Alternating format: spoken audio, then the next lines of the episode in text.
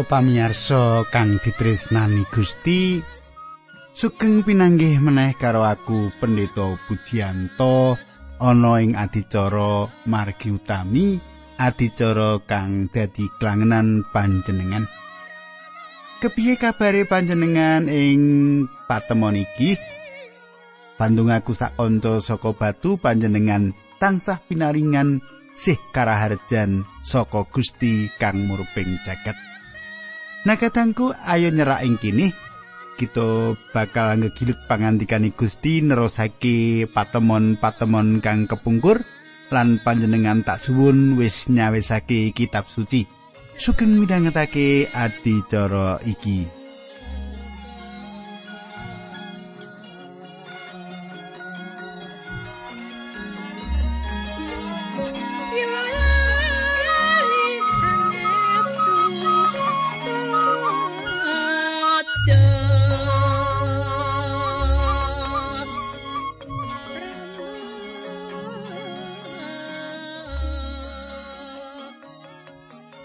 pamirsa, kedadian wewelak sing matumpa-tumpa durung bisa nglilihake atine prengon kanggo ngidini bangsa Israel luar saka tanah Mesir utawa metu saka tanah Mesir.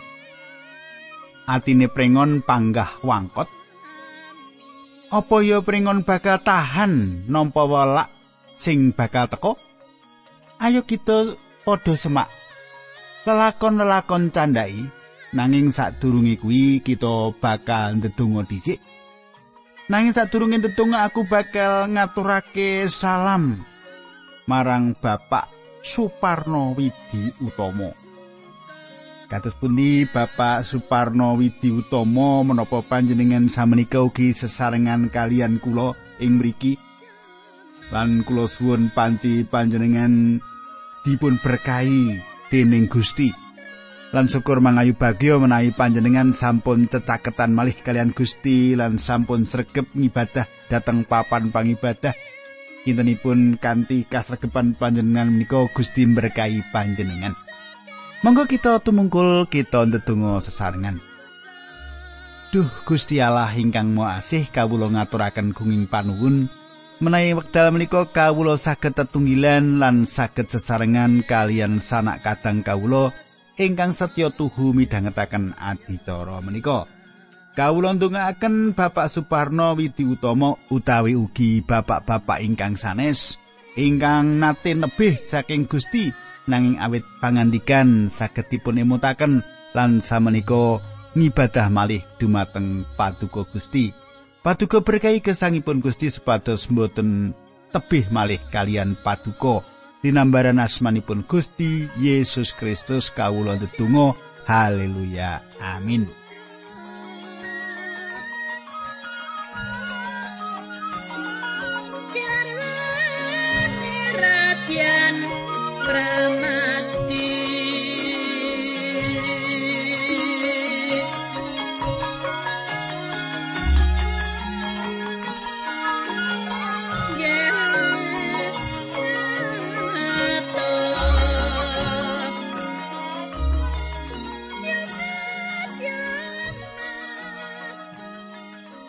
Sumitraku kang dak tresnani miwiti adicara iki panjenengan tak derekake anggegilut pengentasan bab 8 ayat 6 nganti pitu. Ayo maca pengentasan bab 8 ayat 6 nganti pitu. Mengkene surasane ing basa pedinan kitab suciku kitab suci basa pedinan. Mengkene surasane Harun nuling ngacungake tekene ing saknduring banyu kabeh kodhok-kodhok banjur padha teka ngebaki tanah Mesir. Para tukang sihir srana japa mantrane iya bisa metokake kodhok-kodhok meratani tanah Mesir.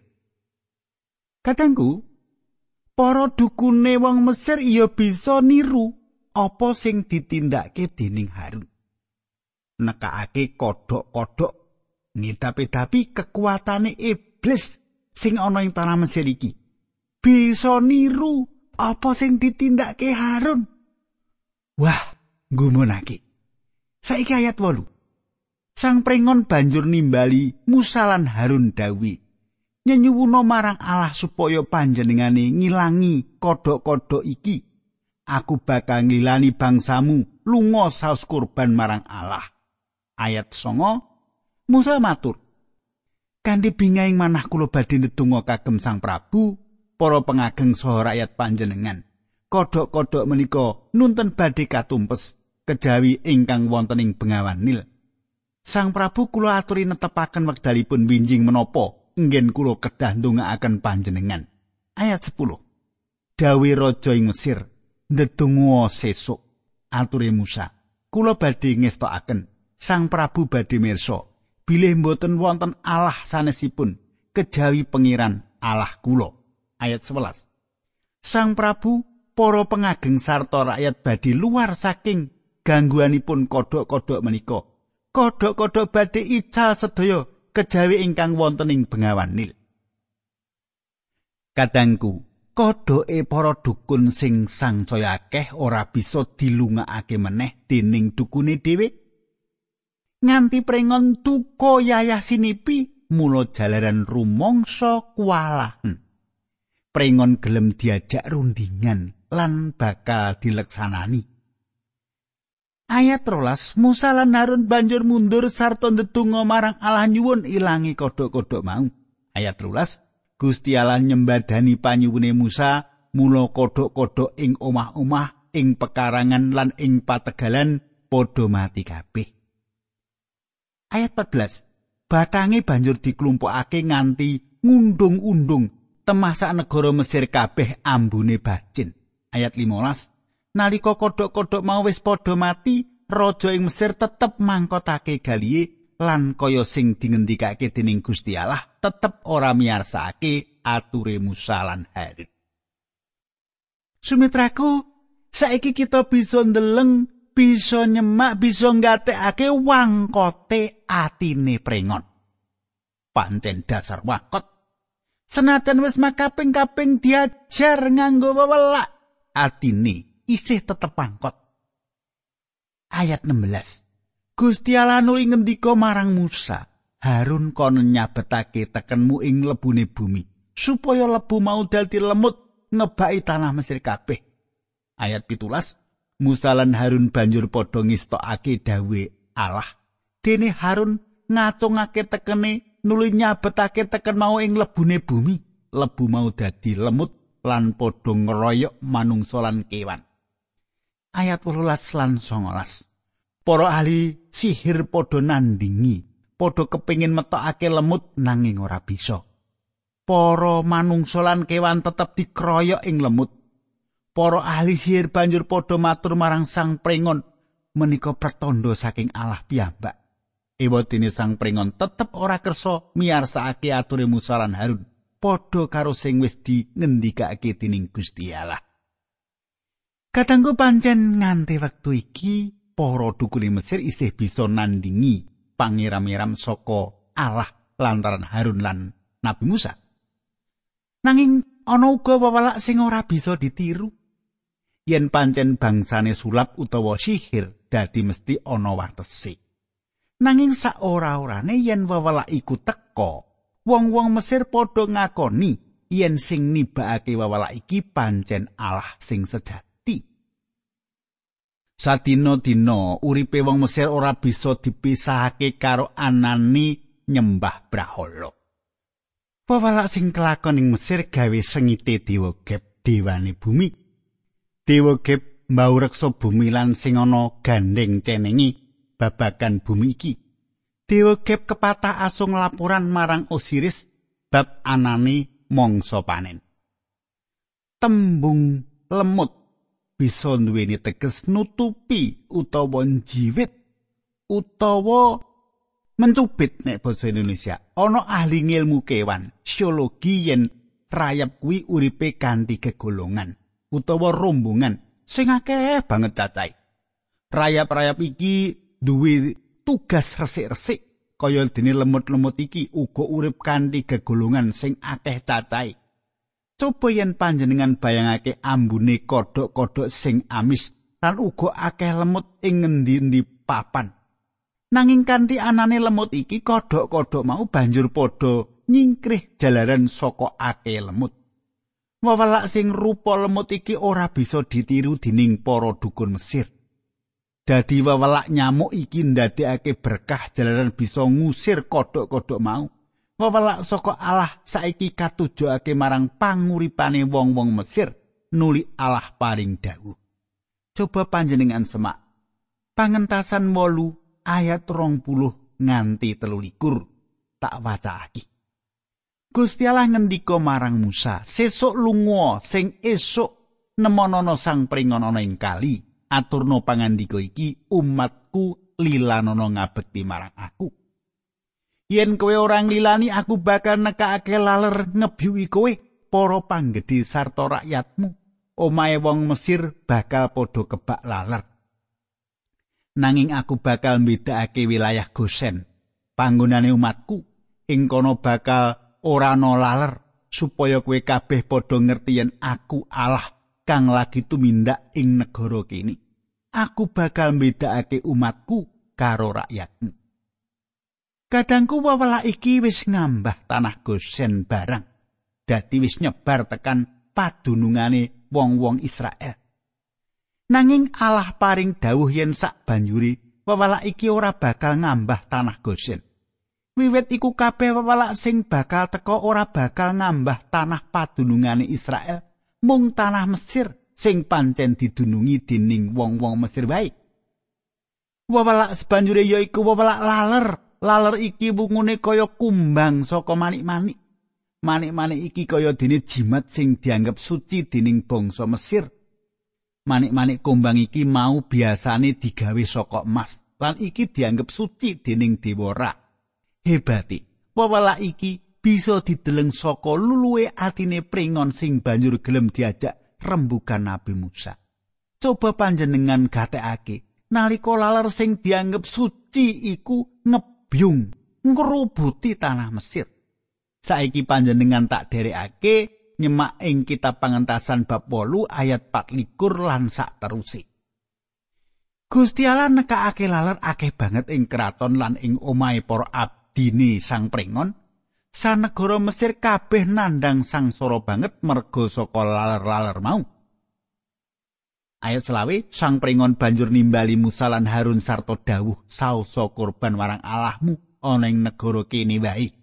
Ayat 6 Menika mboten saged kula tindakaken atur wangsulane Musa sebab tiang-tiang Mesir badhe serik manahipun mergi saking kewan ingkang kula saosaken dhateng Allah kula menawi kula nyembelih kewan sarta kula damel kurban ing panggenanipun tiang Mesir ngriki mongko tiang menika sami sengit dhateng kula tentu badhe mbenturi selo dhateng kula sak bangsa ngantos pecah ayat 17 kula kedah kisah dhateng ora-ora samun ingkang tebihipun lampahan tigang dinten perlu saos kurban dateng Allah kula kados ingkang sampun dipun dawuhaken dateng kula. Kadangku kumbang saka manik-manik emas iki dadi lambangi urip langgeng tumrape wong Mesir. Coba panjenengan penggalih. Yen kumbang sing suci lambangi urip langgeng. Uga banjur dadi panggelbluk tumrap wong Mesir lan negarane. Iki kepiye? Pringon wis ngagas arep kompromi karo Musa lan Harun sing isine ana patang bab sadurunge kabeh wawalak iku dilereni. Nabi Musa lan Harun arep bebarengan karo bangsa Israel sembahyang atur pisungsung ing ora-ora samun ing tepis wiringi Mesir telung dina lawase. Ucape pringon, sausa kurban marang Allahmu ana ing negara kene wae. Katangku, sajake iki kompromi sing asring ditindakake dening para wong Kristen. Pancen apa sing diusulake dening pringon mau saka pambisi iblis si pepeteng. Kanggone kita para wong Kristen asring ana suarane batin sing bisiki supaya dadi wong Kristen nanging ora susah serius. Apa kasenenganmu tindakno wae? Kowe wong wis maju, mesti Allah ora kraos apa-apa. nek minggu nang gereja ora apa-apa nek liya-liyane terserah kowe ya wis nek minggu wae sing apik-apik wong modern kok gelem diatur katengku yen gesang panjenengan ora dadi becik kaya sing didhawuhake kitab suci panjenengan durung Kristen sing temenan. Kudu terus ngupaya amre sang saya luwih becik tinimbang dina wingi. Mung kekuatan saka paringe Gusti wae panjenengan bisa dadi wong Kristen sejati. Kuwi kabeh mung saka iman pitados lan sumende marang Sang Kristus Gusti kita. Kanthi kapitayan iku mau dasaring ati kita banjur diuwahi kanthi pakaryane Roh Suci sing tumandha ing urip kita. Akeh wong Kristen sing uripe isih kepingin kaya uripe donya iki, kaya uripe jagat iki. Kaya patrape wong sing balapan numpak jaran loro. Yen panjenengan aku kepingin numpaki jaran loro iku bareng-bareng. Sike siji ing jaran kiwa, sing siji ing jaran tengen. Bisa enggak? Bisa ora iki? Mesti ora bisa. Ora suwe mesti bakal tiba sebab bisa wae jaran-jaran mau playune salang tunjang sing siji ngiwa sing siji nengen. Kadangku panjenengan kudu milih sing tenanan. Jaran endi sing arep panjenengan tumpaki? Musa ora gelem nampa kompromine prengon. Nabi Musa tetep arep barengi wong-wong Israel ngabekti marang Allah ing ora-ora samun.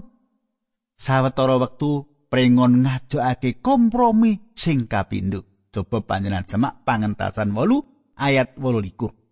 Sang prengon nuli dawuh, "Aku ngilani kowe kabeh lunga saut kurban marang pangeran Allahmu, angger aja ado-ado. Aku ya dongakno." Katangku, kompromine prengon iki mung beda setitik karo sing sepisanan. Aku nglilani kowe kabeh lunga saus kurban marang pangeran Allahmu angger aja ado-ado. Aku yo dongakno. Kompromi iki kaya sing ditindakake sawenehing gereja. Kanthi nindakake kabeh program peladosan nanging kanthi pesta-pesta nyebar proposal. Oh, woro-woro lan maneka warna kontes lan liya-liyane. Tindak tanduke gereja kaya apa sing ditindakake dening jagat iki? Kanthi mengkono sing padha durung percaya marang Gusti Yesus ora bisa mbedakake endi sing gereja lan endi sing ora. Ayat 29 30 31 32 tak wacake bab 8 iki ya. Ature Musa. Sak pengker kula saking ngriki kula badhe ndedonga dhateng Gusti Allah supados benjing-injing laler-laler menika ical mboten ganggu Sang Prabu para pengageng sarta rakyat ing Mesir. Nanging Sang Prabu sampun ngantos mlenjani malih sarta sampun ngantos ngalang-alangi nggenipun bangsa Israel saus korban dhateng Gusti Allah. Musa mundur banjur ndedonga marang Allah. Lan Allah nyembadani panyuwune Musa laler-laler mau sumingkir. ora ana laler siji-siji sing keri nanging raja Mesir tetep mangkotake atine lan orang lilani bangsa Israel lunga. Kadangku prengon mangkotake atine meneh.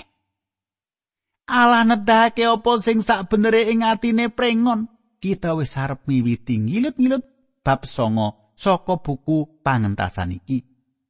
Allah tetep mersudi marang kelakuane pringon lan wong Mesir sing pancen wangkot iku. Yen pringon isih tetep wani mbadali lumawan kersane Allah mesti wae wewelak sing dadake kesangsarane Mesir bakal terus kelakon. Bakal terus tumibo, bakal terus nempuh. Nganti tekan bab songo iki atine pringon isih tetep atos lan wangkot. lan uga dikandhake yen Allah uga gawe wangkote atine prengon disabari pancen ora kena. Prengon tetep ora gelem ngakoni Allah sing maha kuwasa. Lan ora sarujuk bab lungane bangsa Israel iki. Mula saiki Allah wis kepareng ngremuk uripe prengon lan bangsane. Allah pangeran ngersakake paring kawilujengan lan berkah marang sapa wae nanging yen nolak kabeh sih kawelasane Allah janji berkah iku bisa dadi wewelak kaya sing dilakoni dening prengon lan wong-wong Mesir iki. Saiki pangentasan bab songo ayat siji. Mengkene surasane Gusti Allah ngendika marang Musa sowana marang Sang Prabu matur yen alae wong Ibrani ngendika mengkene umatku luarono supaya bisa ngabekti marang aku. Ayat loro yen kowe meksa ora ngilani lan arep terus kok kukui kowe bakal ndak hukum nganggo pagebluk ing antarane kewan-kewanmu kabeh jaran kulti onto sapi wedhus gembel sarta wedhus mulyani kabeh ayat papat aku bakal mbedakake antarane kewane wong Israel lan kewane wong Mesir. Kewane wong Israel ora ana siji wae sing bakal mati. Ayat 5, aku Allah netepake ing dina sesuk oleh kuar nindakake perkara iki. Ayat 6 lan 7. Esuke Gusti Allah nindakake perkara mau. Kewane bangsa Mesir padha mati kabeh nanging kewane bangsa Israel ora ana sing mati siji-siji. Nalika raja ndangu, wong-wong banjur matur, yen kewane wong Israel ora ana siji-siji sing mati. Ewa semono raja Mesir tetep mangkotake galiye lan orang lilani bangsa Israel lunga. Kadangku Kaya-kaya pringon arep ngidini wong-wong Israel ninggalake tanah Mesir. Iki kabeh ora bisa uwal saka pakaryane Gusti Allah.